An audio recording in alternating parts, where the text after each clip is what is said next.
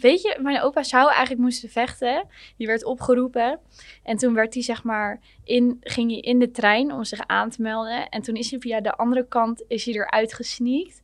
En toen is, hij weggerend, weer terug naar mijn oma. Volgens mij was hij toen ook helemaal verkleed als vrouw daarna of zo. Maar het was echt, zeg maar, het is zo bizar. Als hij daar gewoon werd neergeknald, dan was ik hier ook gewoon niet. Oh my god, wij hebben bijna hetzelfde verhaal. Ja. love, I love, I love, I love, I love you like la la la la la la la la la. Hallo en welkom bij een nieuwe aflevering van Het Leermoment. Ik ben Marit en ik zit hier aan tafel met Lieke, Joshua en Marciano. Goedemorgen jongens. Morgen. Goedemorgen. Nou, eh 4 en 5 mei komen er bijna aan. En eh, als deze aflevering online gaat, is het al geweest. Ehm, dus we gaan het deze week hebben over vrijheid. Eh, wat betekent vrijheid eigenlijk voor jullie? Ja, vrijheid. Dat je mag doen en zeggen wat je, wat je wil, zonder dat je daarmee lastiggevallen wordt door andere mensen of überhaupt de overheid of zo. Of... Oké, Joshua? Ja, het is gewoon precies hetzelfde, toch? Gewoon je ding gewoon doen zonder eh, achteraf na te denken van, oh, mag dit wel? Maar dat is gewoon het rechtboek. Ja, nee, maar meer van, eh, je hebt in landen zoals Korea en ja, nu ook in Rusland en zo. Ja, als je niet eh, hun regels houdt, dan ben je snel klaar. Hier, hier zijn ze wel iets, iets rustiger mee, zeg maar. Oh ja. En Marciano? Ja, ik denk dat vrijheid persoonlijk iets, iets is dat, dat ja, voor ieder sowieso verschillend is. Voor mij is vrijheid gewoon meer van dat ik gewoon lekker kan kiezen welke studie ik wil doen.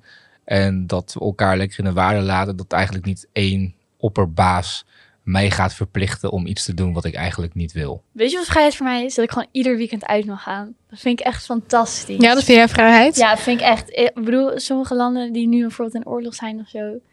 Gewoon dat ik me even vrij kan voelen, weet je wel. Dat ik niet aan mijn studie hoef te denken. Even dat ik al mijn zorgen los kan laten. Vond je dan dat we in coronatijd... ehm Vond ik vreselijk. je, jij vond jezelf... eh, Ik voelde me echt niet vrij. Maar dat heeft iedereen denk ik wel gehad. Ik werd echt wel een beetje een randje depressief hoor. Omdat ik gewoon mijn vrienden niet mocht zien. Je mocht eigenlijk niet naar buiten voor niet noodzakelijke dingen. Dat vond ik echt vreselijk. Ik ben nee. echt opgesloten. Ik, snap weet- ik ik, wel. ik, voel, ik voelde me toen wel heel erg. eh, mijn creativiteit is heel erg gegroeid in die periode. Voornamelijk de eerste paar weken. En op een gegeven moment. eh, ik werd echt dat randje depressief van vrijheid. Werd ik pas toen je weer zeg maar de vrijheid kreeg. Zeg maar dat, je, dat, dat ik de eerste periode van de corona, zeg maar dat je echt dat in lockdown moest. Toen ging alles weer een beetje open. Dus oh, vrijheid terug. En toen werd alles weer gelijk weer dichtgegooid. Ja, En toen had ik dat gevoel van, oh, dit vind ik niet chill. Dan is mijn vrijheid weg. maar gewoon alles wat we konden doen werd ineens afgenomen. Dat Ja. vond ik zo. Het ging niet. Zeg maar, die lockdown was gewoon pam. Het was niet dat het zeg maar Ja, ik kon gewoon, ik kon ook gewoon niet meer werken en zo. Ik had kracht en inkomen, geen werk, niks, nog als nada. Precies. Ja, en mijn ouders hadden. Oh, stel je niet aan. Maar ja, ze werkten allebei in het ziekenhuis. Dus hun leven ging gewoon door. En dat voor mij werd gewoon ineens pam, stilgelegd. En voor jou, Marit? Wat, wat is vrijheid voor jou dan? Ehm, ik denk vrijheid voor mij is dat ik eh, gewoon naar school mag gaan. En dat ik me gewoon mag bevinden waar ik me wil bevinden.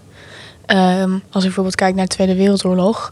Ja, dan had je gewoon bordjes met eh, geen toegang voor Joden. En dat is ook heel veel gebeurd eh, in de zwarte community. Dat het gewoon verboden was voor zwarte mensen. Ik ben heel erg blij dat ik daar nooit last van heb gehad. Nee, Dat ik gewoon overal mocht gaan en staan waar ik wil. Maar de- ik vind het dan lastig dat de andere mensen dat niet hebben. Nu bedoel je? Ja, Ja. en ook vroeger eigenlijk. Ja, zeker. Ehm, en dan ja, nog steeds eigenlijk, ja. ja. Met, met, ik bedoel, ik vind met racisme en discriminatie en ja, of dat vrouwen die naar school mogen gaan. Of Ja. niet met de auto mogen rijden, vind ik ook zo erg. daar word ik heel boos van. Ja, Is dat echt zo? ja Afghanistan is dat toch nu weer? Ja, Vrouwen- maar, Meisjes mogen niet naar school. Ja, daar heb, je Nee. ook, heb, ik- heb ik ook even van gelezen dat je ook ehm, dat ze daar, daar was een landje ook dicht daar. Ehm, dat ze ook niet naar sportwedstrijden mochten. Ja, en aan het dringen niet was ze de vonden dat eh, het echt voor mannen waren. En er waren ook twee vrouwtjes die gingen gewoon naar binnen. Die waren dan verkleed als man. En die werden daarna echt helemaal opgepakt en gewoon mishandeld. ja, Daarna gewoon van, nee, je mag gewoon niet. Het was niet eens sportwedstrijden. Het was gewoon... eh, ze mochten zelf niet eens sporten. Dat was het ook. Zoiets was het. Ja, dat, ik ook dat vind ik zo gelezen. erg. ik denk bijvoorbeeld, bedoel, ja, Wat boeit het nou wat jij doet? Laat die mensen lekker. Alsof je nou man, vrouw, dik, dun, zwart, blank bent. Weet ik veel. Ja, Wit. maar, sorry, maar, wit, he- lang. maar helaas gebeurt dat gewoon nog steeds. Ja, Ja. Nou, ik snap het gewoon niet. Ik vind het echt erg. Maar vrijheid, wel een belangrijk iets. Zeker. ja. Zeker, ja. Je kan er op heel veel manieren naar kijken, inderdaad. Gewoon wat ik net zei, met dat ik even me vrij kan voelen en mijn zorgen los kan laten. Maar inderdaad ook wat mensen mogen doen. Maar ik vind rondlopen op straat vind ik ook al vrijheid voor mij. Nou, iedereen zegt dat Nederland zo'n vrij land is, maar dat vind ik ook wel eens meevallen hoor. Zeg maar qua oorlog en zo, echt supergoed. En we zijn, we zijn ook heel erg vrij in Nederland. Maar ehm, als ik kijk naar eh, vrienden van mij die dan homo zijn, ja, die kunnen gewoon, die kunnen bijna niet over straat hand in hand. Omdat ze dan gewoon worden uitgescholden en misschien wel worden mishandeld. Dan denk ik, ja, nou ja, zo open-minded en zo vrij. In dat opzicht is Nederland dan ook wel weer niet. Nee, nee zeker waar. Is ook nog steeds met een baan krijgen hoor. Mijn vader zegt nog steeds dat er op werk mensen met een buitenlandse achternaam gewoon de sollicitatie weg. Ja, Ja, ja, ik weet ook niet wanneer dat ooit veranderd gaat nee, worden. dat gaat heel langzaam. Ik had, ik had ook een keer een documentaire gezien over eh, zo'n jongetje. Die woonde dan in eh, was Noord-Korea. Daar heb je toch die di- dictatuur, toch? Dan moet je elke dag moet je dan zeg maar gaan bidden voor, de, voor zo'n poster van, van die man dan. En dan elke keer dat volkslied zingen. En toen kwam die hier. En toen was het gewoon heel anders. Dus hij ging gewoon hier naar school. Ging eventjes een, eh, was een halfjaartje, ging, kwam die hier. En ehm, ja, hij stond al, zeg maar, gewoon... Nou, zo, wanneer gaan we bidden, zeg maar. Toen vroeg je zo, dan, oh, dat doen wij hier niet. Je ga je gewoon je tafeltje, hier ga je gewoon zitten en doe gewoon je ding. En hij stond al klaar om de volkslied te zingen en zo. kan je je voorstellen Ja. dat wij elke dag moeten bidden voor een poster van Mark Rutte? Nee. I would never. Niet eens van Mark Rutte, dat is dan voor de koning. maar. Oké, ja, ik zou, ik zou wel, niet ik zou wel willen bidden. Voor Willempie doe ik dat wel. Voor Markie, nou, weet ik niet hoor. Nee, het is gewoon te zult voor woorden. Ja, vind ik echt heel Dan kan je wel zien dat het gewoon echt anders is. En want hij is gewoon ermee opgegroeid. Hij vindt dat normaal. En dan komt hij hier, is, dan is dit normaal. En voor hem gaat echt een wereld open van, oh, dat is toch beter? Mhm, Snap je? Ja. Dus dan kan je ook wel zien dat het ook anders, anders is. Maar staan jullie ehm, ook wel eens stil bij 4 en 5 mei? Of gaat dat altijd een beetje aan jullie eh, voorbij? Dat ruimt. Nee, nee, nee. nee. Dat, dat is wel iets verplicht wat, wat ik moet doen. Is eigenlijk sinds een jaar of twee dat ik niet speciaal thuis hoef te zijn. Moet of wil? Eh bedoel je? Nou, moet dat van iemand of wil je dat ook echt? Nou, of moet dat van jezelf? Nee, is zeg maar, het moet van mijn vader. Dus gewoon uit normen en waarden en respect voor de mensen die gevochten hebben voor mijn vrijheid. En dat vind ik ook gewoon een goed iets. Alleen wij moesten altijd thuis zijn. Dus voor de tv kijken. En soms kon ik dat gewoon niet. Dan red ik het zeg maar niet om, om op tijd thuis te zijn. Zijn mijn pa prima. Maar dan ga je gewoon buiten staan of ergens anders. Maar dan hou je gewoon wijselijk je, gewoon je mond dicht. Nee, ik ook wel hoor. Want mijn, mijn eh, opa heeft gevochten. Nou, gevochten trouwens helemaal niet. Nee, maar mijn opa en oma hebben allebei de Tweede Wereldoorlog meegemaakt. Dus ik sta er zeker bij stil. En eh, ja, ik vind het gewoon... Ik vind het weet, je, weet je, mijn opa zou eigenlijk moesten vechten. Die werd opgeroepen.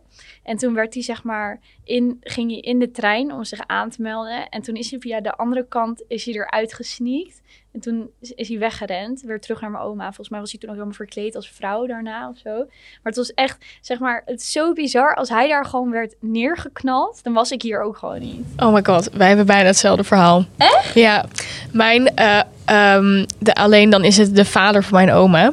Die moest eigenlijk gaan vechten. Ehm, maar ik noem mijn, de, mijn overgrootvader, is dat dan, denk ik? Ja. Noem ik altijd de eerste drag queen van Nederland. Ehm, want hij moest eigenlijk gaan vechten, maar dat wou hij niet. Dus heeft hij een briefje op de deur gedaan met... ehm, hier is hubblepup, het was een ziekte. En mijn oma zei, ja, de Duitsers waren heel erg bang voor besmettelijke ziektes. Dus als je dan zo'n briefje op de deur deed van hier, is, hier heerst dit... Dan, ja, dan kwamen ze niet binnen. Maar ja, op een gegeven moment ben je out of diseases. Dus, dus kon hij niet meer de, de, zich daarachter verschuilen. Dus ging hij echt ehm, onderduiken. Maar ehm, op een gegeven moment miste hij eh, zijn werk heel erg. Dus toen heeft hij de verkleed, kleed- is hij zich verkleed als mijn overgrootoma. Ehm zeg maar vol hoed en jurk en alles. Maar hij had volgens mij nog wel zijn eigen schoenen aan. En eh, op een gegeven moment is hij dus gepakt omdat een Duitser door had dat hij dus mannenschoenen aan had. Het is hij in de cel gegooid. En moest mijn oma naar, de, naar die gevangenis komen om hem normale kleding eh, te geven. Oh, Zo van ja, mijn vader is gepakt in vrouwenkleding. Maar ja, mijn, zijn wel even eh, leuke verhalen. ja, maar mijn overgrootvader is dus de eerste drag queen van Nederland. I'm very proud of that. Nou, bij mij... ehm, Gay icon. Elke 4 mei is een, een beste vriend van mij jarig. Dus steeds op zijn verjaardag. Dat was 6 uur of 8 uur? Dat je, Acht uur. Acht uur. hè? Dus steeds om 8 uur tv aan, stil zijn. En dan gaan we weer verder feesten. Ja. Maar dat, maar dat, vind ik niet helemaal dat je er stil bij staat, om heel eerlijk te Ja, hij zijn. is ook jarig. Ja, dat snap ik wel, maar eh, je bent 24 uur jarig. maar vind Ja, jij maar dat hoeft er niet. Je hoeft er niet stil te zijn. Vind En jij, dan- dat vind jij dat belang, belangrijk? Ik vind gewoon als je twee minuten stil Ja, bent en je doet het met volle, aan volle Ja. aandacht, dan vind ik dat je er gewoon aan denkt. Of vind jij dat je Echt ook de alles. speeches moet lezen en alles op Nou, ik vind het, ehm, het hoeft van mij niet, het moet niet. Maar ik vind het zelf gewoon heel belangrijk. Dus, ja, want ja, wat is twee minuten nou? Er wordt een heel ding van gemaakt. De voorbereiding die erin in gaat. Ja, Zeg maar, ehm, zelfs de koning heeft twee jaar geleden gesproken. Nou, dat vond ik ook heel indrukwekkend. Juist Ehm, toen ik dacht, ik had opeens in mijn hoofd die speech van André van Duin. ja, die was Die had ik fantastisch. ook in mijn hoofd. Hè, dat hij... eh, Ja, over, ehm, eh, over het ehm, standbeeld, het Mhm. eh, gay standbeeld Ja. in Amsterdam Ja, wel, toch? Ja, Daar ja. Nee, dat vond ik ook. Was, was heel erg ontroerd. Ik vond dat heel mooi. Nou, en dan vind ik het belangrijk, want dat was later ook helemaal in het nieuws. En, Mhm. ehm, en jongeren worden er ook heel erg bij betrokken. Er is altijd één zo'n speech van, Nou, zo'n gedicht. van ja, een gedicht of spoken word eh, van iemand. Nou, ik vind dat wel altijd heel mooi. En je ziet altijd filmpjes van jongeren met hun opa of oma. Die van mijn, mijn opa heeft gevochten, bla bla bla. En dan vertellen ze het verhaal van hun. Dat gaat binnenkort ook niet meer. Een Nee, paar jaar hebben we dat niet meer. Nee, klopt. En je hebt van, dat vind ik altijd zo aandoenlijk ehm, van die hele oude eh, soldaten die nog in de Tweede Wereldoorlog hebben gevochten, die helemaal zeg maar in zo'n rolstoel zitten en hun, hun handje zo omhoog doen. En ja, dat, oh, dat raakt me helemaal. Ik vind dat zo, zo Ik mooi. me dan wel af in hoeverre, hoe lang we dit nog gaan doen. Want inderdaad, als die mensen er al- op een gegeven moment, over tien jaar zijn die mensen Nee, zijn er allemaal niet meer. Nee.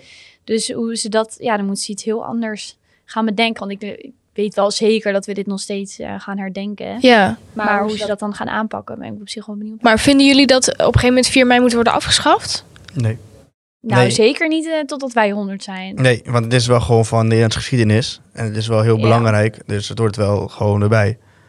Ja. Je? Ik Dus- vind wel dat het in het onderwijs gewoon goed uitgelegd moet worden. En Nou, dat er, dat er wel heel veel... Ja, wel, is wel hoor. Nou, ik mis wel een Ja. beetje. Bijvoorbeeld bij mij op school werd niet super veel verteld over 4, 4 mei. oh, Nee, bij mij wel. Wel over de oorlog. Ja, Oorlog over de Over de Ja, oorlog zelf wel, maar ik denk ook dat bijvoorbeeld bij een vak zoals loopbaan en burgerschap dat er wel echt goed een besef gekweekt kan worden van hé, hey, dankzij de geallieerden hebben we wel vrijheid. En dat, dat het moment zeg maar daar die van 1940 tot 1945, dat het, dat het eigenlijk wel in die vijf jaar gewoon een ramp was eigenlijk. En dat Ja. iedereen Ja. het gewoon vol in, in angst leefde, negativiteit. Eh, je keek altijd om je heen, Eh, je probeerde wel iedereen te helpen onder een vorm van stress. En ik denk juist dat in de lessen, ik denk op middelbare school, maar ook mbo, dat het gewoon nog aangekaart mag worden. Ja. Van hey, ook, is- ook is het maar heel klein, maar wel dat gewoon even wordt gezegd van hey, het binnenkort 4 mei, 5 mei, Ja. onthoud, vrijheid is, is geef je door. Een vrijheid heb je gekregen. Het is niet dat je geboren wordt en je hebt automatisch vrijheid. Want in principe hebben wij gewoon geluk. Ja, zeker. Ja. Wel, als ik kijk naar bijvoorbeeld naar mijn neefjes en nichtjes in Indonesië, die moeten naar school, maar die moeten wel, die mogen er niet zo bij zitten zoals wij. En daar bedoel ik mee, die moeten echt een kledingdracht hebben. Uniform. Uniform. Dat ja, maar dat is bijvoorbeeld in Engeland heb je dat ook. Mhm. vind ik aan de ene kant ook een, een goed iets. Ik vind, ja, ik vind het ook wel. hoor. Ja, uniform heeft ook weer zijn voordelen hoor. Ja. Je hebt niet de onderscheid tussen mensen die designerkleding dragen en wie niet. Precies.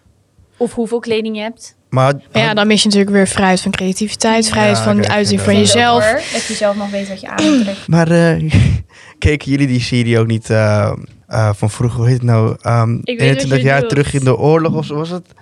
Was het dus, eh, van 13 in Sita- de oorlog of zo. Ja, 13 in de oorlog was het, ja. Ja, Ja, dan ga je... Heb je het nog nooit gezien? Ja, ik weet niet, misschien wel, maar dan komt Met het de Lisa. Sips. Lisa Sips was dat? Lisa Het is gewoon zo'n oude, oude, is gewoon een serie, maar die dan afspeelt tijdens de Tweede Wereldoorlog. Ja, maar- en zo En de mensen weten allemaal na. Hoe heet dit? Maar ik vond dat 13 zo in de oorlog. 13 in de Op oorlog. een kinderlijke manier vertelden ze dan hoe dat ging. Ja. Ja. Dus als kind zijn. Maar weet je, ik had heel erg vroeger dat ik het vreselijk vond om daar naar te kijken. Ik werd er helemaal naar van. Sommige scènes vond ik ook wel echt van, nu- oh nee. Nu vind ik het echt fascinerend om naar oorlogsfilms te kijken. Maar daarvoor vond ik überhaupt over de oorlog praten. Dat trok ik gewoon niet. Ik weet niet, omdat ik er zelf altijd nog bang voor was of zo. Nee, ik vond het vroeger echt heel interessant. Ja, je, weet, je weet niet wat het is? Ja, ik juist meer nu. Kijk hè? Ja, ik weet dat ook.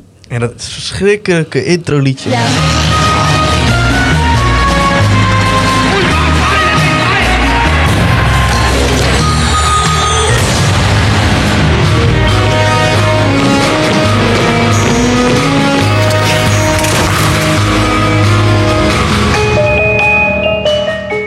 Maar dan vraag ik me af, hè. Weten jullie dan veel over de Tweede Wereldoorlog? Nou, Ja. nu eigenlijk niet meer, want ik heb geschiedenis laten vallen heel snel. ik, heb, ik, ik heb in groep, Ja. ik heb in groep 7 heb ik toen mijn, eh, mijn ja, toen heette dat een spreekbeurt. Ja, Heb ik mijn spreekbeurt over de Tweede Wereldoorlog gehouden. En in groep 8 een vervolg over de atoombom nou ja. op Hiroshima en Nagasaki.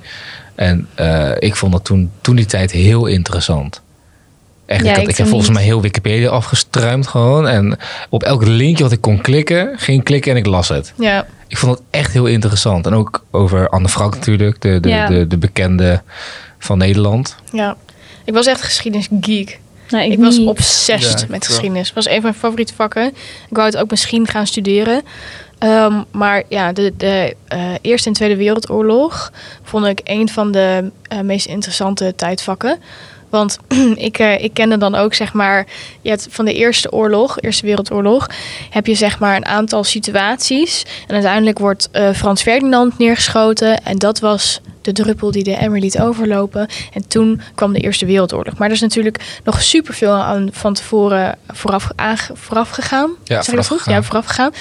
Ehm, dus ik wist de exacte data, zeg maar. Ik wist wat er was gebeurd. Ik wist die hele volgorde. En dan wie met wie zich ging aansluiten. Zeg maar, ik vond een beetje die meme... dat die gozer met al die papieren met die draadjes... weet je wel, zo van... Heet dit? Want ik gaf ook wel bijles in geschiedenis. En dan ging ik dat uitleggen aan zo'n eerstejaars. En die zat helemaal bang in die stoel van... what the fuck? Wat is zij aan het zeggen? Ehm, maar en de Tweede Wereldoorlog, ja... Ik, ik ben daar zo eh, geïnteresseerd. Ik ben ook naar het, eh, het, eh, het achterhuis geweest. Ehm, ja, dan ik was daar met mijn familie. Je mag daar gewoon praten, maar ik viel helemaal stil. Zeg maar, ik had het boek gelezen, het achterhuis. En ehm, ik was daar en ik heb geen woord gezegd. Mijn hele familie niet. We zaten echt zo gewoon in complete, ja, in een soort waas of zo. En dan zie je die boekenkast en dan denk je, oh my god, hier zaten ze gewoon. Je ziet gewoon die hele film zo afspelen. Gewoon Ja. precies waar jij bent, daar waren zij. Ja, daar ben ik wel dankbaar voor middelbare school hoor. Maar ook op het mbo dat we dan toch daar naartoe zijn gegaan. Ja, Jij bent naar Auschwitz geweest, toch? Ja, zeker. Ja, zeker, dat lijkt me echt vreselijk. Op de middelbare? Of? Nee, het- dat was op de mbo was dat. Dat vind ik wel bijzonder. Ik vind middelbare school misschien nog wat te jong hoor. Voor, Nee, ik om kinderen daarmee nee, te laten vind ik niet te jong. Nee, nee, Zeker nee. niet. Ik vind basisschool te jong. Middelbare Ja. school vind ik niet meer te middelbare school. me- middelbare school ook derde, derde, derde klas? Nee, ik denk dat je het echt wel kan Oké, doen. vierde, derde. Want- Ja, maar weet je wat ik denk? Dat kinderen het nog niet echt helemaal beseffen dan. En die gaan daar dan daar lopen kutten en zo. Ik vind dat zo respectloos. Nee, nee, maar kijk, maar dat, dat, dat, dat is juist het, het oordeel wat heel veel mensen geven aan jongeren. Maar ik denk juist om ze naar een plek te brengen waar het gebeurt, is dat ze dat, dat besef in één keer krijgen. Ik had dat ook toen ik, ik was 16, toen zat ik in niveau 2 zat ik toen op Koning Willem I College. En die docent die zei, jongens, we gaan volgende week gaan we naar Polen. En ik zeg, huh? Iedereen in de klas, waarom dan? Ja, we gaan naar Auschwitz. En toen hoorde je zeg, iemand al achter in de klas zeggen... Oh ja, dan gaan we even douchen. Ja. En ik dacht bij mezelf van... Grap, volgens mij weet je niet eens wat daar gebeurd is. Nee. En toen kwamen we er aan. We stapten die bus uit. En je staat dan op die binnenplaats, zeg maar. Je gaat dan naar beneden. Geloof me, die kerel die dat toen zei in de klas... Die had daar het kleinste hartje. Ja. En, en dat, dat, dat vind ik gewoon heel mooi aan het, aan het mbo, maar ook aan het onderwijs. En voornamelijk als het gaat om burgerschap. En voornamelijk dat thema. Je hebt gewoon docenten die zijn er heel lachoniek over, van, of nuchter. Ah, mijn docent, meneer Van Kuppenveld, die nam je gewoon mee. Zeg maar, hij was zo in staat als je grappen maakte over kanker. Dan zei hij van prima, dan gaan wij na de les, stap je bij mij de auto, gaan we naar het Erasmus ziekenhuis. Gaan op de kankerafdeling staan en laat ik je zien wat het is. ja, precies. En als je de volgende les dan nog een keer zegt, vind ik het helemaal prima. Maar dan heb je het besef wat daar ligt. Ja. En dat was zo'n docent. Mooi, en, dat, en dat deed hij, ook bij, deed hij Ja. ook bij Auschwitz.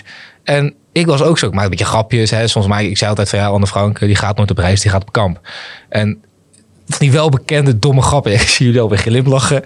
Maar eenmaal als ik dan daar stond, dacht ik bij mezelf zo van... Ik snap waarom zij achter die boekenkast zat. Je zou maar in die trein gepropt worden. Je zou maar daar in, in een gestreepte pyjama staan... en wachten tot jij je douchebeurt zou krijgen. Ja. En het is niet dat je daar met dat je acht douches hebt en er staan acht mensen in. Nee, het wordt gewoon volgegooid alsof het koeien zijn. Hè? Ja. Gewoon van, oh, er past nog wel eentje bij. Het is gewoon douwen. We steken de gaskraan aan. En Maar daarom vond ik het als kind zijn echt vreselijk om hierover te horen. Dat, ik vond het gewoon echt heel naar. En ik was ook zo'n kutkind die zei dan bij geschiedenis... oh, dit is allemaal in, de, in het verleden gebeurd. We moeten ons focussen op de toekomst. En nu, daarna had ik ook geschiedenis laten vallen, omdat het me gewoon niet interesseerde. Kijk, jij weet al die jaargetallen. Ik wist dat nooit, omdat het me niet boeide. Ja. Maar nu ik ouder ben, heb ik er veel meer interesse mee. Ik, ik kijk veel va- vaker oorlogsfilms. Omdat Maar me- waarom heb je dan nu opeens wel ja, interesse nu in? wel, omdat ik het... Ik weet niet. Omdat het me gewoon... Omdat ik er beter over na kan denken of zo. Of dat het me niet meer heel angstig... Ja, ik weet het eigenlijk niet. Maar gewoon als kind zijn vond ik het gewoon te vroeg. Ja, ik, weet, ik, ik, ik ben altijd gewoon opgegroeid met van als je iets niet weet, dan ga je het opzoeken of je gaat er naartoe. Ja. En eh, pas een oordeel. Ja, maar het gaf mij gewoon een naar gevoel. Ja, nee, maar dat, ik kan het begrijpen. Want weet je, je had je van die geschiedenisboeken, dat deed misschien Marit ook nog, en dan zie je afbeeldingen. En dan denk je van, oh, dat is echt heel vreselijk. Nou, ik vond ze nog vrij mild. Ja, maar ik, ik had een boek, zeg maar. Dat stond, dan zag je allemaal mensen op een stapeltje, zag je allemaal liggen. En dat ik echt dacht van, wow. En toen zei een docent een keer voor de grap van, ja, hoeveel mensen denk je dat daar liggen? Ik dacht, nou, ik tel vijf, zes schedels, zes, zeven. Toen zei ze, ja, keer, keer honderd of keer duizend. Dat ik dacht van, wat? Zoveel? En ik weet niet, dat, dat, ik snap wel de angst zeg maar, van jonge studenten dat, die, dat, die, dat heel dichtbij komt. Maar ik denk ook juist als je er naartoe gaat, ook het Anne Frank Museum bijvoorbeeld.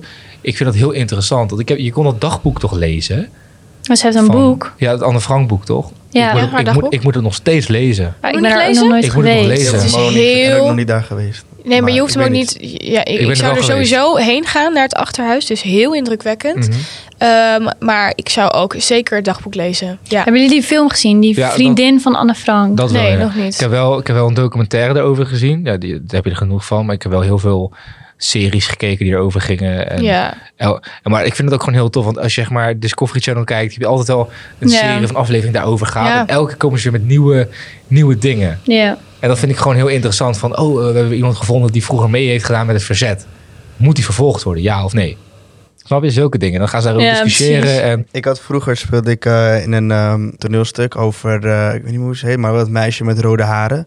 Zo het. En dat was ook een eh, verzetsmeisje. De naam kom ik nu even niet, niet op, maar eh, zij was ook heel erg bekend eh, geworden. Maar ik kom nu niet even op, op haar naam. Maar dat was ook hele musical, ook een hele dingetje over de Tweede Wereldoorlog en zo. Maar was jij het meisje met rode Nee, haar? ik speelde, ik speelde het in. Gewoon Ik moet denken aan eh Meisje van Ide. Hannie Schaft. Eh, Schaft.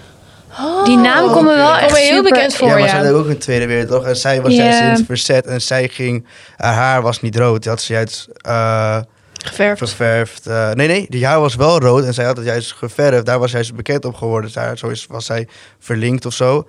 Want wat, welke ras vond Hitler nou helemaal geweldig? Het Arische ras. Blond haar, blauwe ogen. En daar Oh. ging zij helemaal in. Eh heeft ze haar geverfd, eh ogen alles gedaan.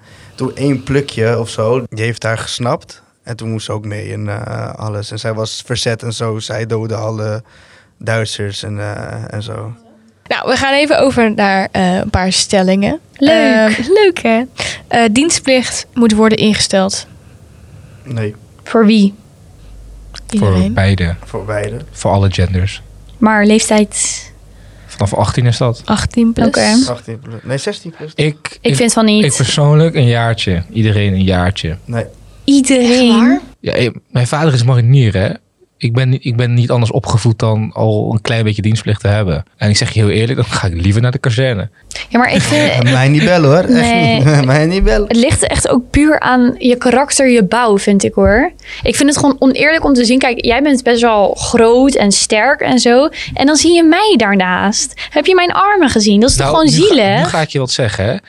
Mijn vader is zo skinny ass als wat. En die gast die werd goedgekeurd bij de marine. Terwijl iemand anders die ook breed was en gespierd, die werd afgekeurd. Het draait niet om fysieke ja, maar kracht, ook hè. iets Mentaal. in je hoofd. Ja, maar- mentaal zo. Ja, ja, maar ik denk juist, kijk, bij dienstplicht draait het niet om dat jij gelijk een wapen pakt en dat je gewoon gelijk rosselt, rent en dat noem maar op. Dat je alles doet wat er in films gebeurt. Maar wat dienstplicht, wat ik heel belangrijk vind, dat je niet bij daar ook leert wie je zelf bent. Maar ik heb nu het gevoel dat jij het heel erg persoonlijk trekt, dienstplicht. En niet nee, echt nee, naar maar, de... Nee, maar ik denk, maar ik, ik trek mijn persoonlijke ervaringen wil ik overbrengen aan andere mensen. Ik denk dat dienstplicht juist goed is, omdat je alle elementen kan leren die je in de maatschappij later kan gebruiken. Ja, maar ik Wat denk dat je dat ook... eh, ja, ik Wat houdt dienstplicht precies in? Ja, dienstplicht is niet alleen echt in het, eh, dat je op, op pad moet, zeg maar. Hè? Het is niet alleen dat je een geweer moet en je moet eh, mensen vermoorden. Het is ook gewoon in de keuken. Het is ook eh, technische dienst. Het is ook andere dingen, hè? ook achterin, zeg maar. Want ik weet over mijn opa, die had ook die ehm, dienstplicht en die was gewoon kok. ja. Die, moet, ja, die had Ja. dienstplicht, maar die was gewoon kok. Nou, dat snap ik wel. Maar ik denk dat je dat ook eh, in de opvoeding... Nee, want ik weet wel van mezelf, eh, dat ze wel in mijn opleiding gezegd, want ik heb hier voor ICT gedaan, plus robottechniek. Ze zeiden van ja, en als er een dienst voor gaat, als er een dienst, dienstplicht komt, dan kan jij zeg maar de tanks en alle robotdingen kon jij dan besturen en maken, zeg maar. Ja. Dus als ze komen, dan zit ik bij de technische dienst. Ik weet, het- wordt, het wordt dienstplicht wordt, een beetje heel snel eh, in het verkeerde daglicht Ja, ik denk gezet. meteen, ze- ja, maar dat komt ook door die spellen, hè? Moet je ook Ja, denken, ja, Call of ja. Duty, uh, Battlefield, daar denk je aan dienstplicht aan ook een beetje. Dat je echt op pad moet, je moet iedereen gewoon Of neerschieten. mensen ja. zeggen ook heel vaak van het is niks voor mij. En denk bij mezelf van je moet het gewoon een keer proberen. Want het schijnt dat echt heel veel mensen het gewoon wel heel leuk vinden.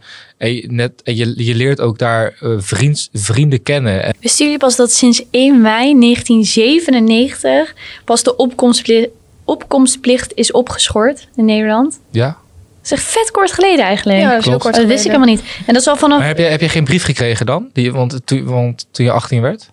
Iedereen heeft een brief gekregen. Oh, zou best kunnen. Dus stel dat er kan. nu bijvoorbeeld een, eh, dat, dat opgeroepen wordt, dan uh, het is pas sinds kort dat vrouwen ook die brief krijgen.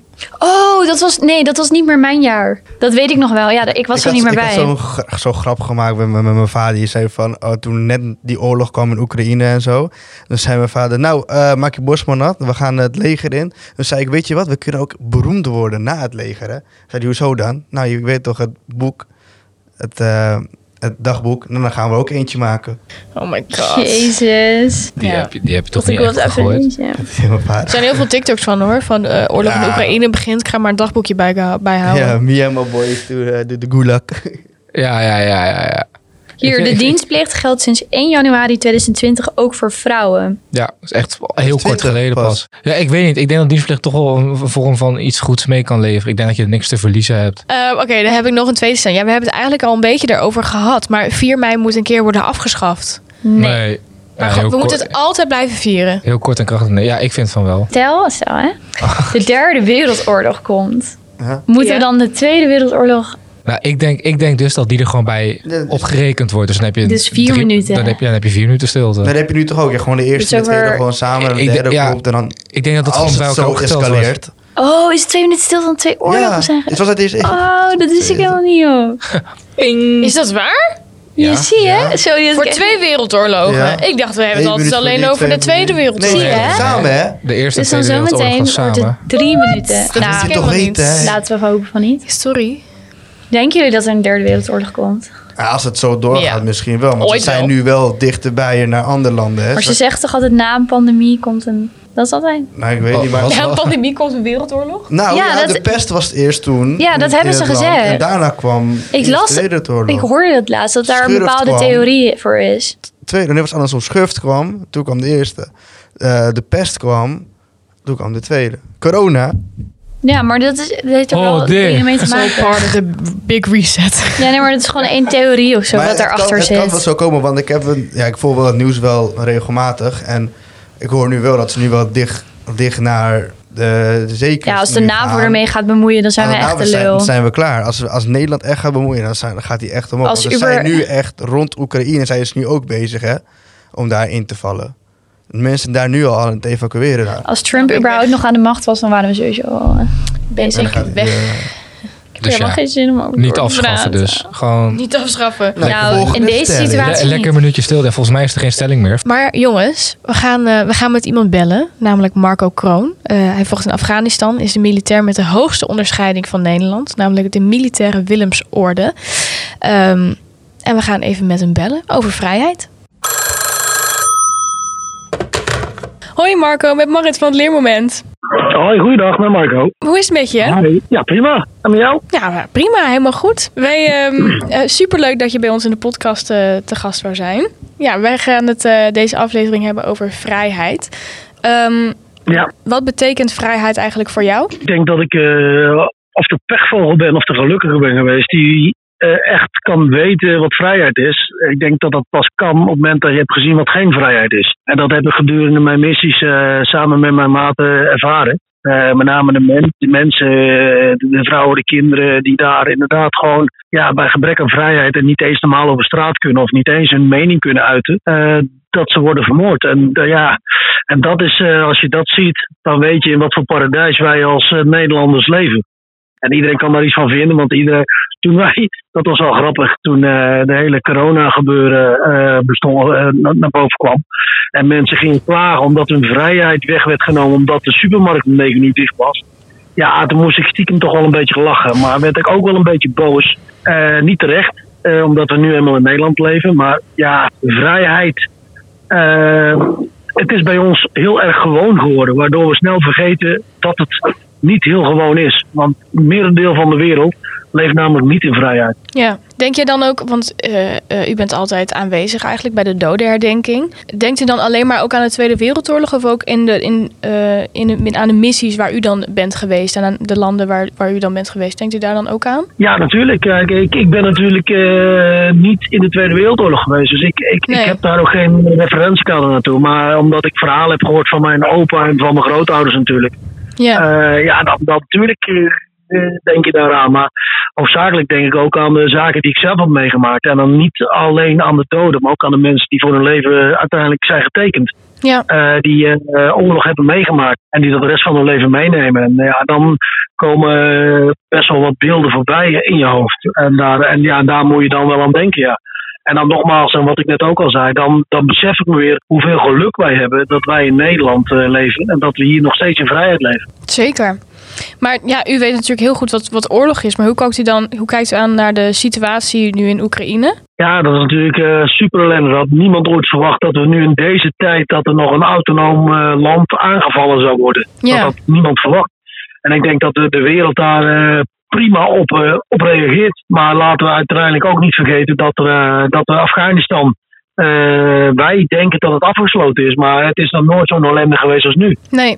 Kinderen gaan nu om, komen om van de honger. Mensen kunnen helemaal niets meer. En dat zijn we blijkbaar als Nederland alweer helemaal vergeten. En eh, ja, daar ligt een groot deel van mijn leven. Eh, en dat, ik ben het nog steeds niet vergeten. En wil het toch altijd wel even, even memoreren. Dat de oorlog in Afghanistan nog lang niet afgelopen is. Nee, ja, dat was ook meteen mijn volgende vraag. Want ja, de, eh, vindt u dat wij hetzelfde omgaan met de oorlog eh, dan in Afghanistan, wat nu met Oekraïne gebeurt? Vindt, vindt u dat wij daar een verschil in maken? Nou, dat, kan ik niet. Iedereen kan dat voor zichzelf beoordelen. Wat ik wel zie is dat we op een of andere manier, omdat het vrij dichtbij is en de elke dag staat dat in het nieuws, eh, Oekraïne, dat we daar heel erg eh, gevoelig voor zijn. Met name voor de media en social media.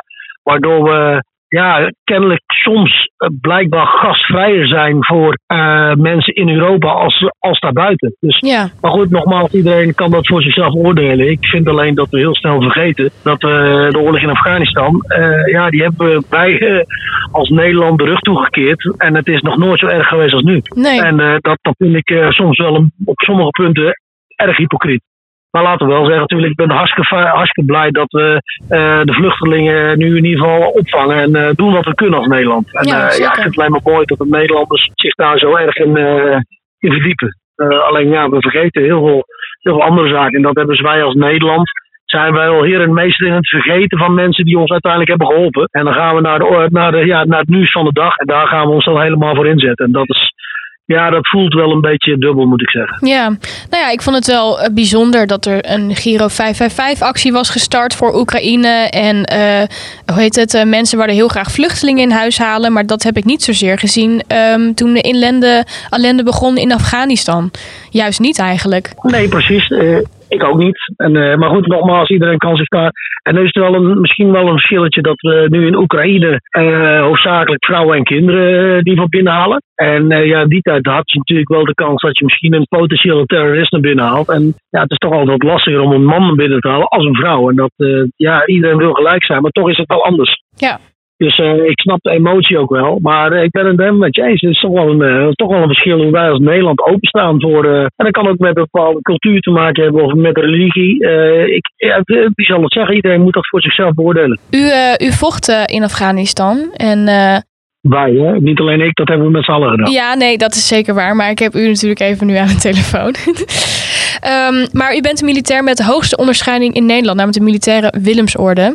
Ja, je hebt, u heeft die onderscheiding gekregen, maar waarom heeft u die hoge onderscheiding eigenlijk gekregen? Ik denk dat ik hem gekregen heb voor de daden die we met z'n allen daar uiteindelijk hebben verricht. En eh, ja, als je echt geïnteresseerd bent, dan moet je maar even op eh, internet zoeken. Het is altijd heel moeilijk, eh, vind ik heel erg vervelend om te spreken over eh, dingen die anderen vinden die je uiteindelijk goed hebt gedaan. Dus Ja, ja, eh, we hebben in ieder geval met z'n allen daar eh, het, eh, plaatselijk en tijdelijk het eh, verschil weten te maken eh, tussen oorlog en vrede. En hebben mensen daar ook eh, van kunnen laten profiteren. u geeft ook wel eens voorlichtingen in het onderwijs. Wat valt u dan op aan de jeugd als u vertelt over uw verhalen? Ehm, ja, ik geef wel eens voorlichting, maar vertel ik niet zozeer over mijn verhaal, maar over onze verhalen. Wat, wat ik dus wel merk, en daar ben ik ook wel blij om, dat onze jeugd niet weet wat oorlog is. En dan hebben wij het goed gedaan om dat zo ver mogelijk weg te houden. Eh, wat ik wel merk is dat de jeugd steeds minder veerkrachtig wordt en niet goed tegen tegenslagen kan. En eh, ik zeg niet dat, dat oorlog eh, goed is om uiteindelijk veerkrachtig te worden. Maar wat ik wel merk is dat ja, het wordt normaal. Zoals wij leven, wordt als vrij normaal gezien. Waardoor men niet meer beseft dat wij echt ontzettend blij mogen zijn met wat wij hebben. En natuurlijk is het niet eerlijk om Nederland te vergelijken met eh, kinderen die ergens anders wonen. Want Nederland is nu eenmaal Nederland. Maar ik denk wel dat we af en toe het besef eens een keer moeten eh, proberen verder door te laten dringen. Dat we dusdanig gelukkig mogen zijn dat wij in vrede leven en niet hoeven te bukken als we naar buiten lopen voor kogels. En ehm, ja, dus laten we zo voorop stellen. Ik ben in ieder geval blij. Eh nou, niet blij, dat is een heel verkeerd woord. Maar dat Oekraïne heeft ook een positief ding. En dan bedoel ik mee dat we nu als, als Nederland, als Europa ook beseffen dat we al jarenlang, en ik zie Defensie als een, als een levensverzeker- levensverzekering, dat we al jarenlang onderverzekerd zijn geweest. En eh, dat we daar nu echt, echt iets aan moeten gaan doen. En dat is nu wel, denk ik, landelijk ook wel een beetje doorgedrongen. En ik zie dat de jeugd daar ook eh, wel, wel in, in meegaat. En daar ben ik wel blij om. En ik zie dat inderdaad dat, dat de, hele, eh, ja, de hele affaire in, in Oekraïne, dat dat de jeugd ook iets doet. En daar, eh, dat vind ik wel een positief puntje, als je dat positief mag noemen. Maar het, want het is zoals het is. Maar dat we beseffen dat het ook heel erg dichtbij kan gaan komen. En dat hebben we natuurlijk in de, in de jaren negentig al een keer gehad met, eh, met Bosnië. Alleen ja, daar, de jeugd van nu, die weet daar niets meer van. Maar eh, ook dat kan zomaar in één keer overslaan. Ja, zeker waar. Maar het, eh, het leger heeft ook heel hard eh, jonge mensen nodig. Dus waarom zou iemand uit onze leeftijd ehm, daarvoor kiezen? Eh, ja, dat moet een gevoel zijn. Ik zelf weet niet beter. Ik was mijn eerste besef dat ik, dat ik wist wat ik dacht, wilde ik militair worden. En ik heb zelf ook kinderen. Alleen en ik zie hoe zij worstelen met het feit wat ze uiteindelijk willen. Ik denk dat het mooiste is voor, voor een jonge vent of een jonge vrouw, of alles wat ertussenin zit, eh, om echt iets eh, te hebben en mee te maken wat geen enkel ander bedrijf of andere baan kan geven. En dat is die on, onmetelijke kameraadschap, onvoorwaardelijke kameraadschap en vriendschap, die je uiteindelijk gaat merken op het moment dat je je land gaat dienen. En want je doet het namelijk met elkaar, voor elkaar. En ik denk dat dat onbetaalbaar is. Hoeveel, je geld, hoeveel geld je ook hebt, die onvoorwaardelijke kameraadschap, het letterlijk voor elkaar door het vuur willen gaan. Ik denk als je dat eenmaal hebt geproefd en beleefd, dan weet je zeker dat het, eh, in ieder geval voor een paar jaar, dat dat het mooiste baan is geweest die je ooit hebt gehad. En dat is wat ik in ieder geval eh, wel mee wil geven. Oké, dus je creëert eigenlijk een, een soort nieuwe familie. Ja, ja, niet soort. Ik denk, ik denk dat mijn maten zijn soms eh, hechter als dat ik mijn eigen familie heb. Ja, En dat, is, ja, dat kan ik niet uitleggen. Dat moet je ervaren. En ik zeg niet moet. Maar als je dat ervaart, dan weet je precies wat ik bedoel. de geko- gekozen familie dus eigenlijk. Ja, eigenlijk wel. Ja, familie heb je niet voor te kiezen. En, eh, en kameraden voor het leven binnen Defensie vaak wel. Ja. Ehm, nou, dan heb ik eh, nog een laatste vraag voor je. Want onze podcast heet natuurlijk het leermoment. Dus eh, wat was het grootste leermoment uit uw carrière? Het grootste leermoment in mijn loopbaan is dat, ik, dat een mens elk jaar weer opnieuw ontwikkelt. Dus je bent nooit klaar in je vorming. Ook al denk je dat je een diploma hebt of dat je iets behaald hebt, elke keer komt er weer iets nieuws op je pad, waardoor je jezelf moet veranderen. En dus je bent eigenlijk nooit klaar. En dat is wat ik zeg, dat je eh, daar bewust van moet zijn.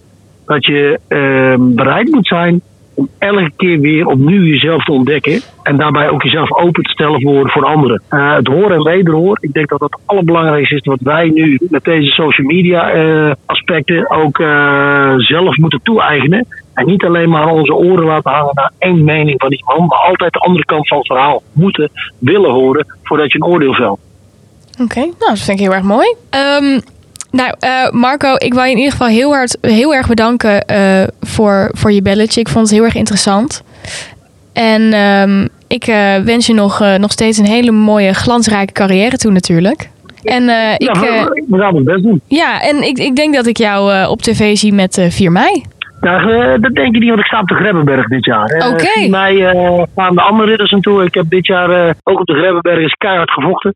En daar, eh, daar eh, af en toe wil ik ook even eh, mijn gezicht laten zien. Een van de andere ridders die zal eh acte de présence geven op de, op de Dam dit jaar. En ik zal op de Grebbeberg staan. Oké, Dus, maar, maar mocht ik op eh, tv komen, zal ik even naar je zwaaien. is goed, dankjewel. Nou. Groetjes en ik hoop dat veel leerlingen, studenten of jongeren in ieder geval dit, dit stukje mogen horen. En nogmaals, dit is mijn waarheid. En iedereen moet zelf ondervinden wat zijn of haar waarheid gaat worden. Ik vond het, ja, dankjewel. Nou, heel erg bedankt en ik, eh, ik eh, spreek je misschien snel nog een keer. Wie weet. ik vond het in ieder geval een prettig gesprek. Mooi. Veel, veel succes mee. Dankjewel, doei doei. Oké, doei doei. Nou jongens, wat vonden jullie hiervan? Heel interessant. Ja? Van zeg nou maar dat hij zelf echt wel veel heeft meegemaakt daar. eh. en eh, wat hij er zelf heeft... ik vond het eigenlijk mooi het einde. Wat hij zei over zijn eigen leermomenten. Wat hij zelf eh, heeft geleerd en zo. Vond ik wel mooi. Ik vond het heel mooi dat ik stelde natuurlijk het de vraag van eh, jij hebt daar gevochten, jij hebt dit Ja. gedaan, en jij hebt die onderscheiding. Maar hij zei de hele tijd wij. Ja, dat is ook zo. Je Ja, doet het dat samen. vond ik wel het is mooi. niet alleen. Het is echt, je zit in een team. En ook dat hij Afghanistan aankaart. Hè? Ja, meteen ook. Ja. Ja, Maar. En hij heeft wel gelijk Mooi over eh, dat we meer nu met Oekraïne bezig zijn. En daar is ze nog steeds bezig. Snap je?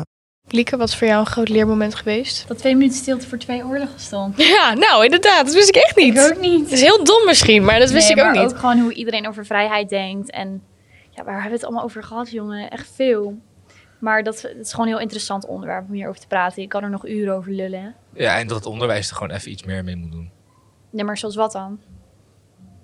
Gewoon met z'n allen naar Auschwitz. Dat vind ik, dat, nou, dat vind ik wel eh, eigenlijk een goede. Dat het verplicht moet worden om met scholen naar een concentratie. Ja, Dat het helemaal naar Polen. Nee, Ook niet. geld Nee, Ja. jongens, ik heb het niet meteen over naar Polen gaan. Je hebt ook gewoon in ik Vught een concentratie. Nee, je hebt ook gewoon in Vught een Ik concentratiekamp. weer gelijk aan geld, hè? Ja, inderdaad. Ja, Het is maar gewoon ik denk Amsterdam, aan- Achterhuis. Ik heb wel geld, maar sommige kinderen niet. Nee, maar als je nou gewoon in het systeem van Ja, school oké. onderwijs neerzet, dat de, dat de overheid daarvoor betaalt. Markie moet er even voor betalen. Van, yo, iedereen die eh, middelbare school heeft gedaan, derde, vierde jaar, gaat gewoon naar ja, concentratiekamp Vught bijvoorbeeld. Ja, En wil je verder, wil je, dan kunnen scholen er zelf voor lappen. Maar dat, dat je Maar gewoon... ook als je het zelf wil. Nee, ik vind dat dat verplicht moet zijn. Nee, nee, dit is een, eh, een schoolvak. Dus ik, het eh, ik erbij. moest vroeger ook naar de Tweede Kamer verplicht. En daar vond ik ook niks aan. Maar ik denk wel dat als je naar een concentratiekamp Ja, gaat... dat je Tweede gewoon letterlijk Kamer- Met je, Concentratie. Nou, ik vind het ook heel heftig om Geert Wilders in leven lijf te zien. Maar ja, dan vind ik het ook dat mensen Ja, dat, eh, dat moeten zien. Nee, dit kan je echt niet vergelijken. Dat is echt erg. Eh, jongens, we gaan afronden. Ik vond het een heel interessant gesprek. Ik vond het echt, eh, echt heel erg leuk om het even met jullie over te hebben. Ehm, ik wil jullie bedanken. Ook Marco Kroon. Dat hij even de tijd voor ons heeft vrijgemaakt. Marco, als je kijkt. eh, dat hij de tijd voor ons heeft vrijgemaakt om er even over te hebben. En eh, we zien jullie graag bij de volgende aflevering. Dankjewel voor het luisteren. Dankjewel. Oh,